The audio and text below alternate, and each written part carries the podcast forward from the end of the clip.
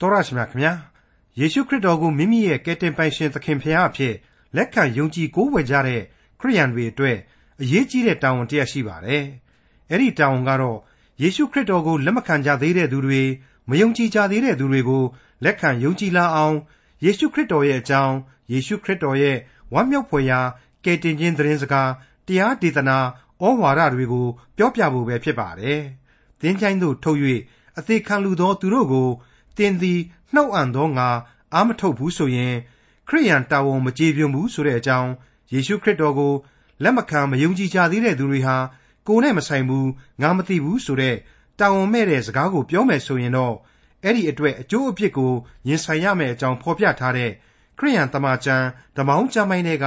တုတ်တန်ကျမ်းအခန်းကြီး24အခန်းငယ်1ကနေအခန်းငယ်15အထိကို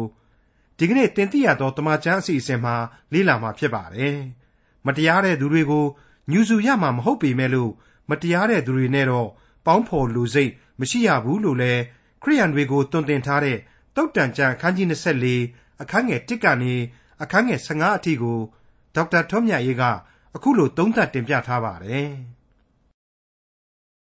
တင်ပြရသောတမန်ကျမ်းရဲ့မိတ်ဆွေတော်တတ်ရှင်အပေါင်းတို့ခမညာ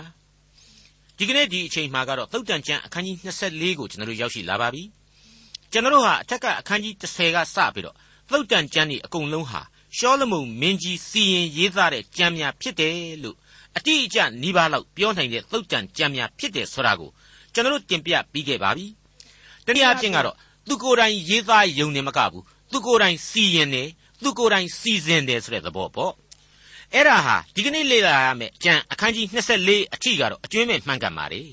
သူကိုယ်တိုင်ရေးသားပြီးတော့သူကိုယ်တိုင်တီးဖြတ်တယ် သူကိုယ်တိုင်အစီအစဉ်ချတယ်ဆိုပြီးတော့ဓမ္မတုတေတိအများစုကအလေးအနက်ယုံကြည်ထားကြပါတယ်ဒါပေမဲ့နောက်လာမယ့်အခန်းကြီး25ကနေသုတ်တန်ဏီကုံအထိအပိုင်းအခြားတွေကကျမ်းများကိုတော့ရှောလမုန်မင်းကြီးကရေးသားတာမှန်တယ်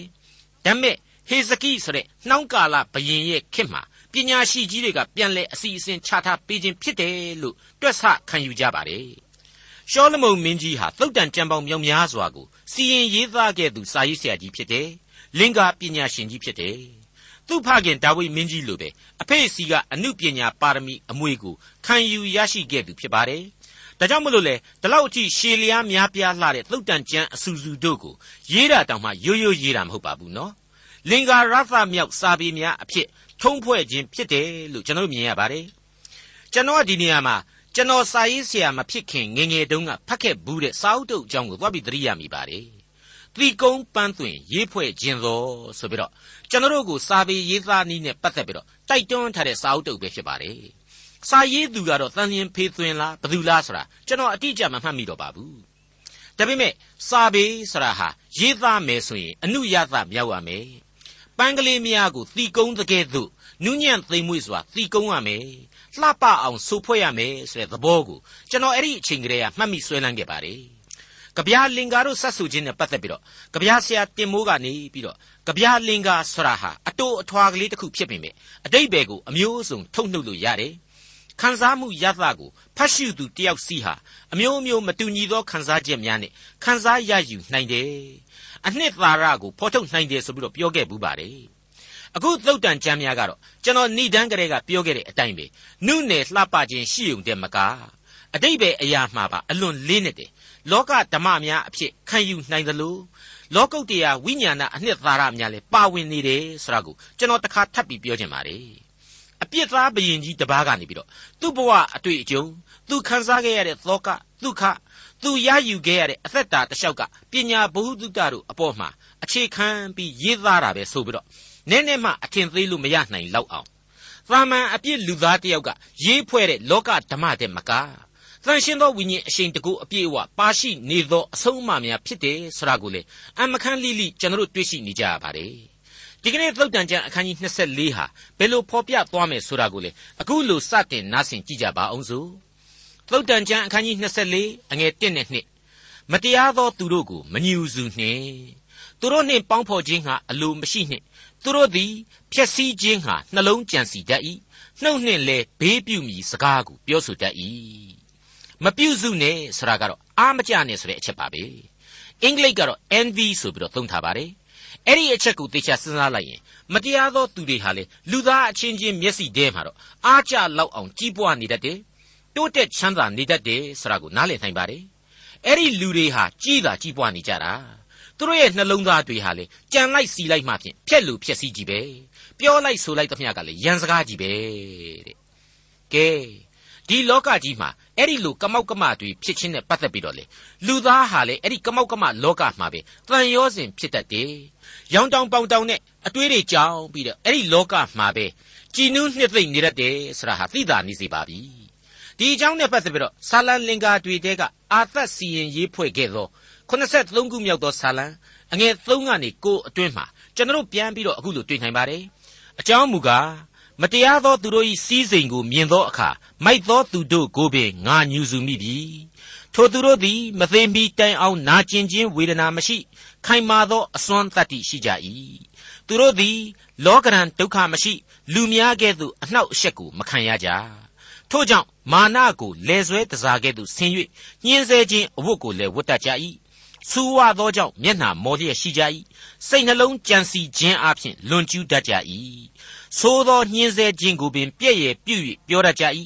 ထောင်လွှားသောစကားကိုလည်းသုံးတတ်ကြ၏သူတို့နှုတ်သည်ကောင်းကျင်နှင့်ဆန့်ကျင်ဘက်ပြု၍ရှာသည်လည်းမြေကြီးကိုလှဲ့လေတတ်၏တဲ့အဲ့ဒီအချက်တွေဟာလင်္ကာရှင်အာသက်အတွက်သူ့ရင်တဲကအကျိတ်အခဲကိုဘုရားသခင်ရှိတော်မှောက်မှာရင်ဖွင့်ဖော်ပြတဲ့ခန်းစားချက်တွေပါပဲတခါဆက်ပြီးတော့အဲ့ဒီကျမ်းထဲမှာပဲအငယ်7ကနေ14ကိုကြည့်လိုက်မယ်ဆိုရင် ဖျားသခင်သည်အဘယ်သို့သိတော်မူမည်နည်းအမြင့်ဆုံးသောဖျား၌ဉာဏ်ရှိပါလိမ့်မည်လောဟုဆိုရကြ၏ထိုမတရားသောသူတို့သည်အစဉ်ကောင်းစား၍ဥစ္စာပွားများကြပါ၏အကယ်စင်စစ်ငါနှလုံးကိုငါတန့်ရှင်းစေတော်လဲအကျိုးမရှိအပြစ်ကင်းခြင်းနှင့်ငါလက်ကိုဆေးကြောတော်လဲအကျိုးမရှိနေ့တိုင်းနှောက်ယှက်ခြင်းနှင့်နတ်နဲ့တိုင်းဆုံးမခြင်းကိုငါခံရ၏အဲ့ဒီလိုအာသဟာဆက်လက်ဖွဲ့ဆိုလိုက်ပါတယ်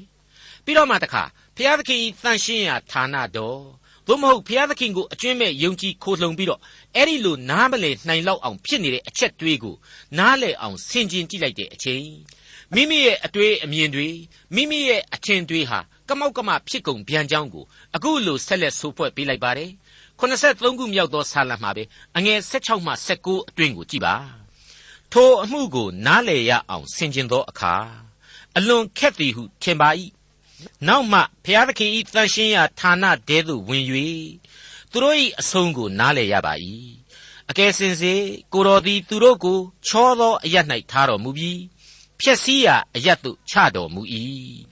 တခဏချင်းတွင် အကျိုးနည်းကြပါပြီတကားဒီတော့ဒီအချက်တွေအားလုံးကိုစိတ်စိတ်ဆင်ခြင်စဉ်းစားလေးလေးတန်တရားတန်တရားကနေလွတ်မြောက်ပြီးတော့ဝိညာဉ်ခွန်အားများပွားများနိုင်လေးလေးပဲလို့ကျွန်တော်တင်ပြခြင်းပါတယ် မိษွေအပေါင်းတို့ခမညာနှုတ်ကပတ်တော်ကိုဖတ်ရှုဆင်ခြင်ကြပါ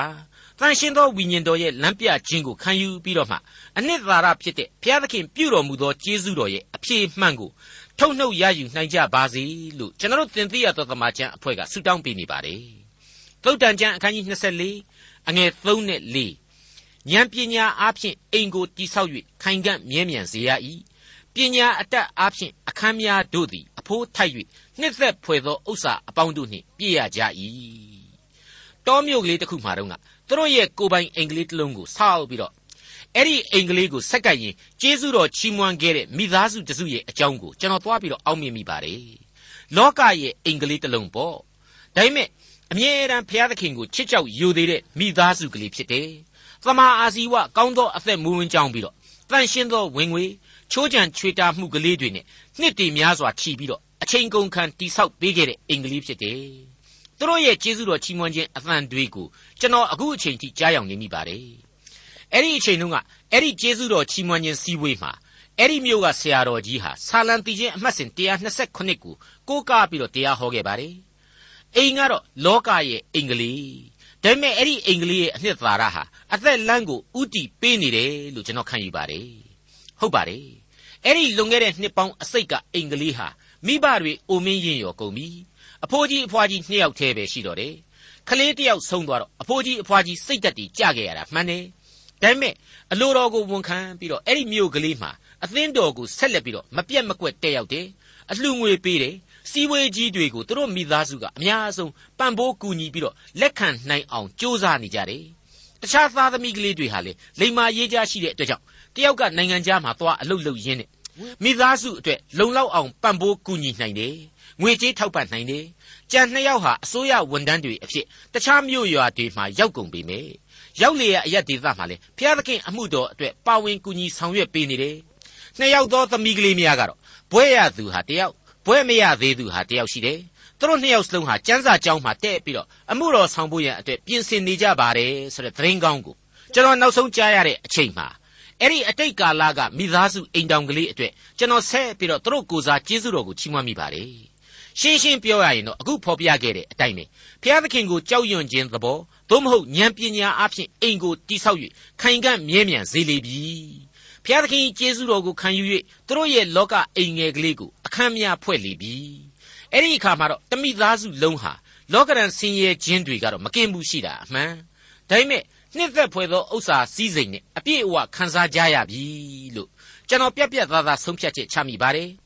အဲ့ဒီလိုယုံကြည်ခြင်း၌အခြေတည်သောခရိယန်ယုံကြည်သူမိသားစုအိမ်တောင်များများစွာပွားများနိုင်ကြပါစေလို့လည်းဆုတောင်းမေတ္တာပို့သမိပါတယ်သုတ်တန်ကျမ်းအခန်းကြီး24အငယ်9မှ9ပညာရှိသောသူသည်တကိုးရှိ၏ပညာအတတ်နှင့်ပြည့်စုံသောသူသည်ခွန်အားတိုးပွားတတ်၏ပညာရှိတို့နှင့်တိုင်ပင်ပြီးမှစစ်မှုကိုပြုရ၏ အကြံပေးနိုင်သောသူများစွာရှိလျင်ဘေးလွတ်တတ်၏ပညာမြင့်သောကြောင့်မိုက်သောသူမမိနိုင်မြို့တကားဝ၌စကားမပြောဝွန်မကောင်းသောအမှုကိုပြုခြင်းဟာကြံစီသောသူကိုဘေးပြုသောသူဟု၍မှဲ့ရ၏မိုက်သောအကြံအစီ၌အပြစ်ပါ၏မထီမဲ့မြင်ပြုသောသူသည်လည်းလူဆက်ဆုပ်ယွန်ရှာပွေဖြစ်၏ဒီကျမ်းကိုကျွန်တော်ကသိပြီးတော့သဘောကျပါတယ် အခုသင်သိရသောတမန်ကျမ်းနဲ့ပတ်သက်ပြီးတော့မေကွန်းထုတ်ကြတာတွေစောရကတက်ကြတာတွေစာရေးဆက်သွယ်ပြီးတော့အကြံဉာဏ်တောင်းခံနေကြတာတွေမရှင်းလင်းတာတွေကိုမေးမြန်းတဲ့လူတွေဟာခြေပြစ်လက်ပြစ်ဖြစ်နေတဲ့ယုံကြည်သူမယုံကြည်သူသေခြင်းဆင်းရဲကိုမလွဲမသွေရောက်ကြရမယ်လူသားတွေအားလုံးအတွက်ဘုရားသခင်ကိုသိကျွမ်းခြင်းပညာကိုရှာဖွေနေကြတဲ့လူသားတွေကြီးပဲအဲ့ဒီလိုသင်သိရသောသမာကျမ်းအဖြစ်ဝိညာဉ်ခွန်အားတွေပွားများလာကြရမှာအကန့်အမှန်ပဲလို့ကျွန်တော်ခံယူပါတယ် အခုတုတ်တန်ဆရာကပြောနေပြီပညာရှိအောင်ကြိုးစားကြပါပညာအတတ်နှင့်ပြည့်စုံသောသူသည်ခွန်အားတိုးပွားတတ်၏တဲ့မရှင်းဘူးလားပညာရှိတို့နဲ့တိုင်ပင်ပြီးမှစစ်မှုကိုပြုရ၏တဲ့အဲ့ဒီလိုပြောလို့များကျွန်တော်ဆိုတဲ့လေလိုင်းဗန်ရှင်ဟာအစွန်းတကိုရှိတယ်လို့များတော့ရောင်လို့တောင်မဆိုဝန်းပါဘူးရောင်လို့တောင်မတွေးဝန်းပါဘူးဒါပေမဲ့ကျွန်တော်ကင်ဆွဲပြီးဖော်ပြနေတဲ့နှုတ်ကပတ်တော်ဟာဘုရားသခင်ဤဝိညာဉ်တော်ဖြစ်တယ် ခရစ်တော်ပင်ဖြစ်တယ်ပြီးတော့ခရစ်တော်အားဖြင့်မောရှေဒါဝိဒ်ရှောလမုန်နေဟမိအိဇရမဿဲမာကုလုကာယောဟန်ပေတရုအားလုံးတို့ဟာအလိုအလျောက်ပညာရှိကြီးတွေဖြစ်လာကြရတယ်အဲ့ဒီပညာရှိကြီးတွေဟာဒီသင်သိရသောတမန်ကျမ်းကိုရေးဖွဲ့ခဲ့ကြတယ်ဒါကြောင့်မလို့မိษွေတို့အနေနဲ့ဒီသင်သိရသောတမန်ကျမ်းကိုတိုင်ပင်ခြင်းဟာမိမိတို့၏အသက်တာအတွက်အကောင်းဆုံးသောတိုင်ပင်ဘက်တွေပညာရှိကြီးတွေကိုစီးပူးခြင်းပဲလို့ကျွန်တော်ဒီနေရာမှာဆိုချင်ပါတယ်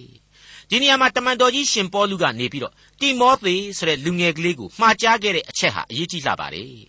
တိမောသေဩဝါဒစာဒုတိယစာဆောင်အခန်းကြီး2အငယ်15သင်မူကားဝန်ခံတော်မူသောသူရှက်ကြောက်เสียအကြောင်းမရှိဘဲသမာတရားကိုမှန်ကန်စွာပိုင်းခြားတတ်သောဆရာသမားဖြစ်လျက်ဖျားသခင်ရှေ့၌ကိုကိုကိုဆက်သခြင်းဟာကြိုးစားအားထုတ်လောတဲ့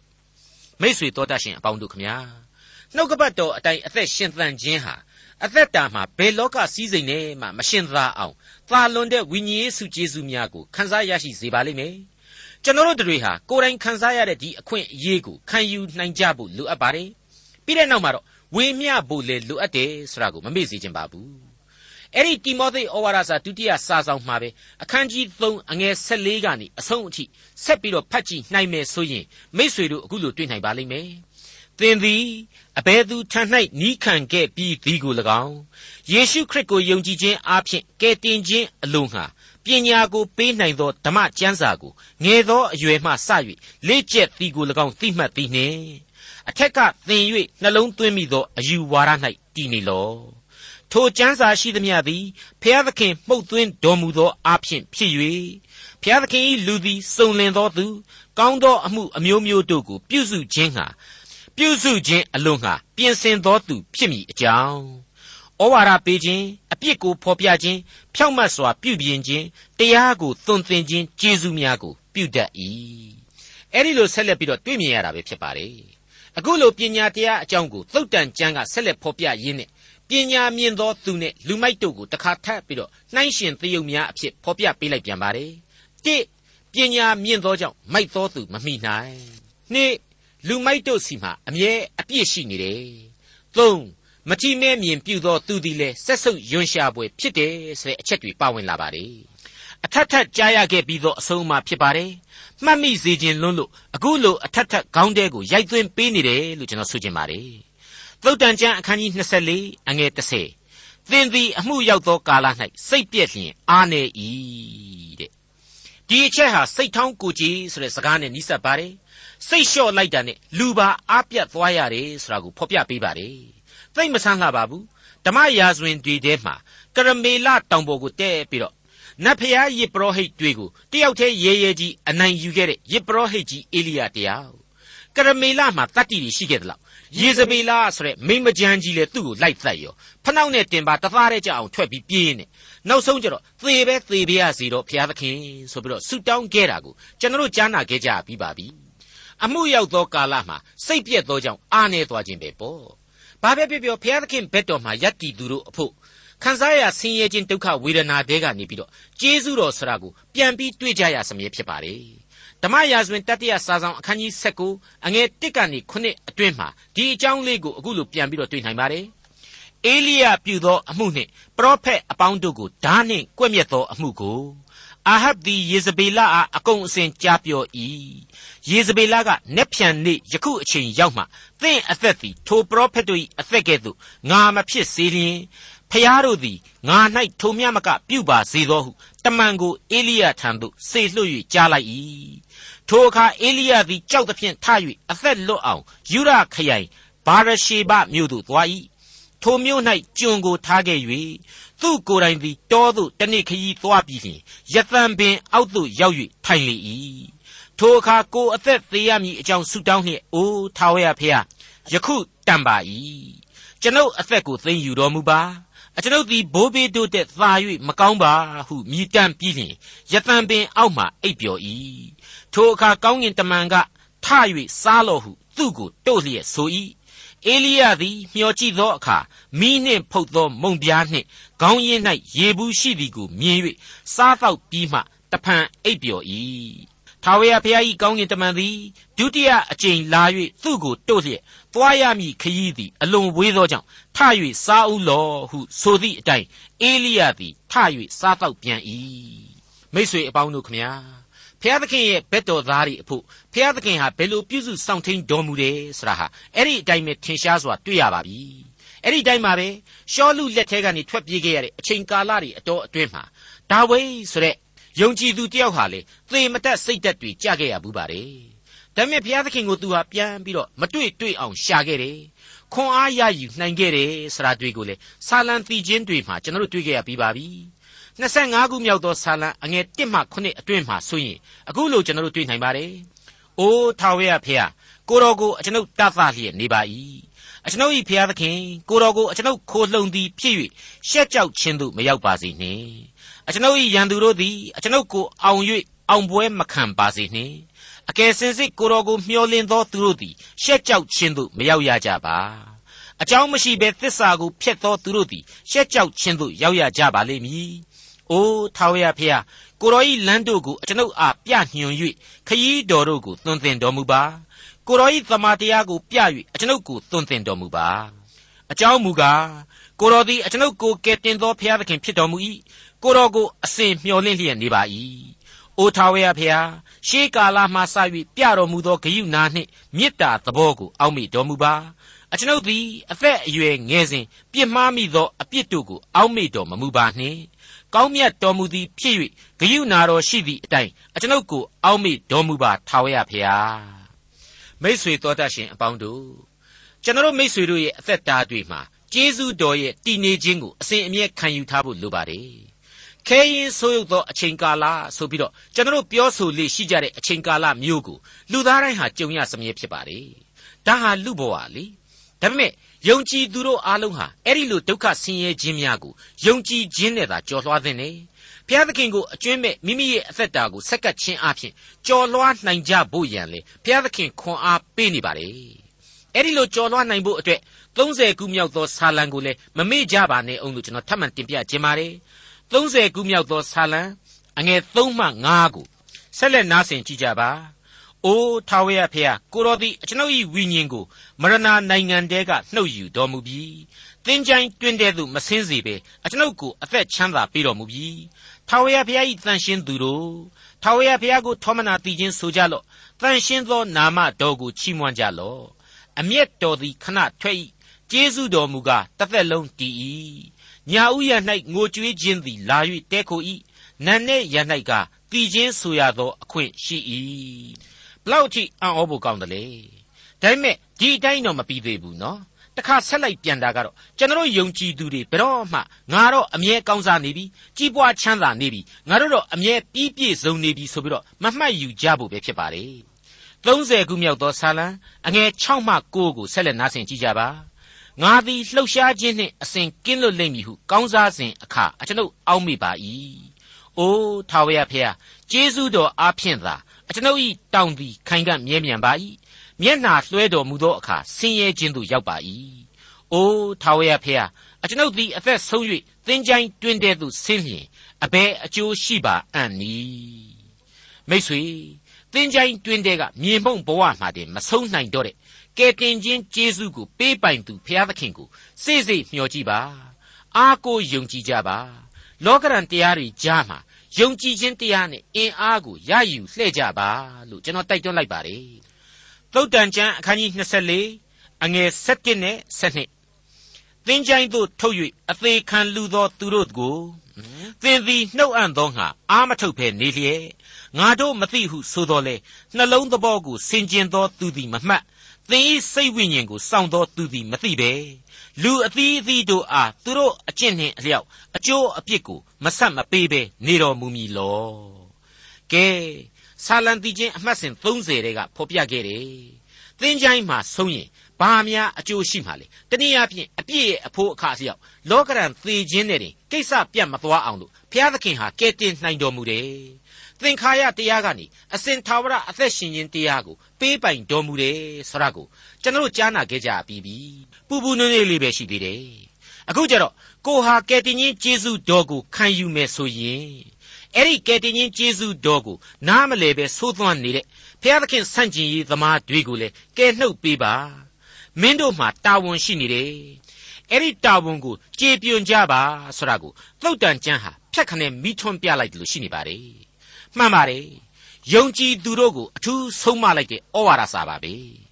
မင်းတို့ကအဲ့ဒီလိုငါတို့နဲ့ဘာဆိုင်တယ်လဲဘာဖြစ်လို့ငါတို့ကကူညီရမှာလဲငါတို့ဒီလူတွေကိုမသိဘူးလို့ဆိုလို့ရှိရင်မင်းတို့ကဘလောက်ပဲအဲ့ဒီလိုထင်နေနေအပြစ်ရှိပါတယ်တဲ့မပြတ်သားဘူးလားအပြစ်စီရင်ပိုင်သူဟာအဲ့ဒီလိုဥပက္ခပြုတာကိုမကြိုက်ဘူးတနည်းအားဖြင့်ဘုရားသခင်မကြိုက်ဘူးသူဟာနှလုံးသဘောကိုဆင်ခြင်နိုင်တယ်သင်၏ဝိညာဉ်ကိုစောင့်တော်သူဖြစ်တယ်တဲ့မိတ်ဆွေအပေါင်းတို့ မှောင်ကြားနေတဲ့အပြစ်လူသမိုင်းကြီးတစ်ခုလုံးအတွက်ကယ်တင်ရှင်သခင်ခရစ်တော်ဟာလူစားတီကိုခံယူပြီးတော့အပြစ်မှလွတ်ငြိမ်းခြင်းတရားကိုပေးခဲ့တာထာဝရအသက်လမ်းအတွက်အသက်ပေးပြီးရွေးခဲ့တာတွေကိုတရိယာလိုက်တာနဲ့အဲ့ဒီဂျေဇုတော်ကိုခံယူသူဟာခရစ်တော်ရဲ့မေတ္တာတော်ကိုရောင်ပြန်ဟတ်နိုင်စွန်ရှိရလိမ့်မယ်ကျေးဇူးတော်နဲ့ထိုက်တန်တဲ့တာဝန်ကိုယူကြရလိမ့်မယ်ဆိုတာကိုကျွန်တော်အကြိမ်ကြိမ်ဖော်ပြခဲ့ပြီးဖြစ်ပါတယ်အခုအချိန်မှာတော့သုတ်တန်ကျမ်းဟာ တိတိကျကျကြီးဆိုသလိုဒီအချက်ကိုဖော်ပြလိုက်တာပါပဲဒီနေရာမှာရှင်မသက်ခရစ်ဝင်ကျမ်းရဲ့ဏိဂုံးပိုင်းကခရစ်တော်ရဲ့စကားသံကိုထပ်မံပြီးတော့နားဆင်ကြည့်စီခြင်းပါတယ်သင်တို့သွား၍လူမျိုးတကာတို့ကိုငါ၏တပည့်ဖြစ်စေလျက်ခမည်းတော်သားတော်တန်ရှင်းသောဝိညာဉ်တော်၏နာမ၌ဗတ္တိဇံကိုပေးကြလော့ငါသည်သင်တို့အားပေးသမျှသောပြည့်ညတ်တော်တို့ကိုစောင့်ရှောက်စေခြင်းဟာဆုံးမဩဝါဒပေးကြလော့ ငါသည်လည်းကကဘာကုံသည်တိုင်အောင်သင်တို့နှင့်အတူအစင်မပြတ်ရှိသည်ဟုတပည့်တော်တို့အားမိန့်တော်မူ၏တဲ့သုတ်တန်ကျမ်းအခန်းကြီး24အငယ်73မှ15ငါသာပြားရည်ကောင်းသောကြောင့်စားလော့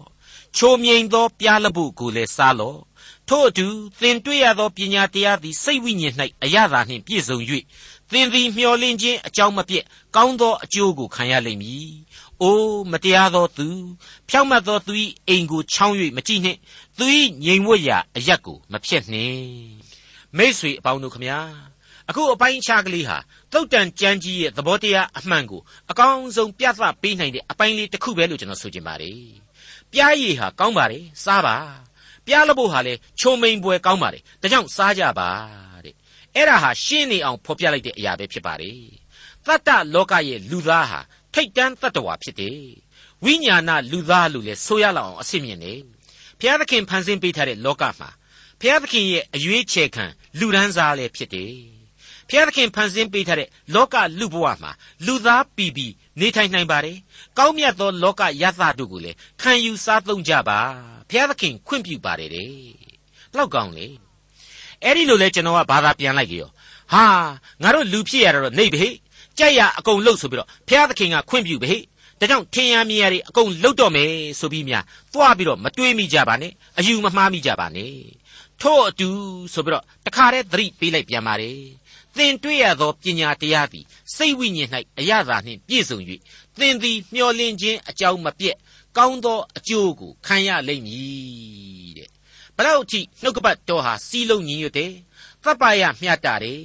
အဖက်ဖက်ကပြည့်စုံနေတယ်ဆိုတာကိုကျွန်တော်ဖြင့်အံ့ဩလို့မကုန်နိုင်ပါဘူးလူသားဟာလူပဲလူပီပီတော့နေထိုင်အသက်ရှင်ပါဒါမဲ့ထာဝရဘုရားကိုကြောက်ရွံ့ယိုသေးခြင်းဝတ်ဘယ်သောအခါမှမလွတ်ကြနဲ့ဝိညာဉ်ခွန်အားနဲ့သင်ဘဝမှာအရေးအကြီးဆုံးဖြစ်သောမျော်လင့်ချက်ဖြစ်တဲ့ထာဝရအသက်လမ်းကိုမပြတ်တမ်းတက်လှမ်းပါတဲ့အဲ့ဒီတော့ပျော်ပျော်နေပါဆိုလို့ဇာတိပဂရိအလိုဆန္ဒရမက်တွေနောက်ကိုပဲကောက်ကောက်ပါအောင်လိုက်နေရမှာလား မဟုတ်တော့ပါဘူးယုံကြည်ခြင်းနဲ့သက်ဆိုင်တဲ့အကျင့်တရားတွေဟာရှိပြီးဖြစ်နေပါတယ်ဒီကနေ့သင်ခန်းစာတွေမှာဆိုရင်ပြတ်သားလှတဲ့အချက်တွေကိုသုတ်တန်ကျမ်းဟာတင်ပြထားခဲ့ပြီးဖြစ်ပါတယ်ထာဝရဘုရားကိုကြောက်ရွံ့ခြင်းသဘောသည်ပညာ၏အချုပ်အခြာဖြစ်၏ထာဝရဘုရားကိုကြောက်ရွံ့ခြင်းသဘောသည်ပညာကိုသွန်သင်ခြင်းဖြစ်၏ထာဝရဘုရားကိုကြောက်ရွံ့ခြင်းသဘောသည်ဒုစရိုက်ကိုရှောင်ခြင်းလည်းဖြစ်၏ထာဝရဘုရားကိုကြောက်ရွံ့ခြင်းသဘောသည်အသက်ရှင်ခြင်းနှင့်လည်းဆိုင်နေ၏ ဒေါက်တာထွန်းမြတ်ရေးစီစဉ်တင်ဆက်တဲ့တင်ပြတော်တမချန်းအစီအစဉ်ဖြစ်ပါတယ်။နောက်တစ်ချိန်အစီအစဉ်မှာခရိယန်တမချန်းဓမ္မဟောင်းကျမ်းိုင်းတွေကတုတ်တန်ချန်းအခန်းကြီး24အခန်းငယ်16ကနေအခန်းငယ်34အထိကိုလေ့လာမှဖြစ်တဲ့အတွက်စောင့်မျှော်နားဆင်နိုင်ပါတယ်။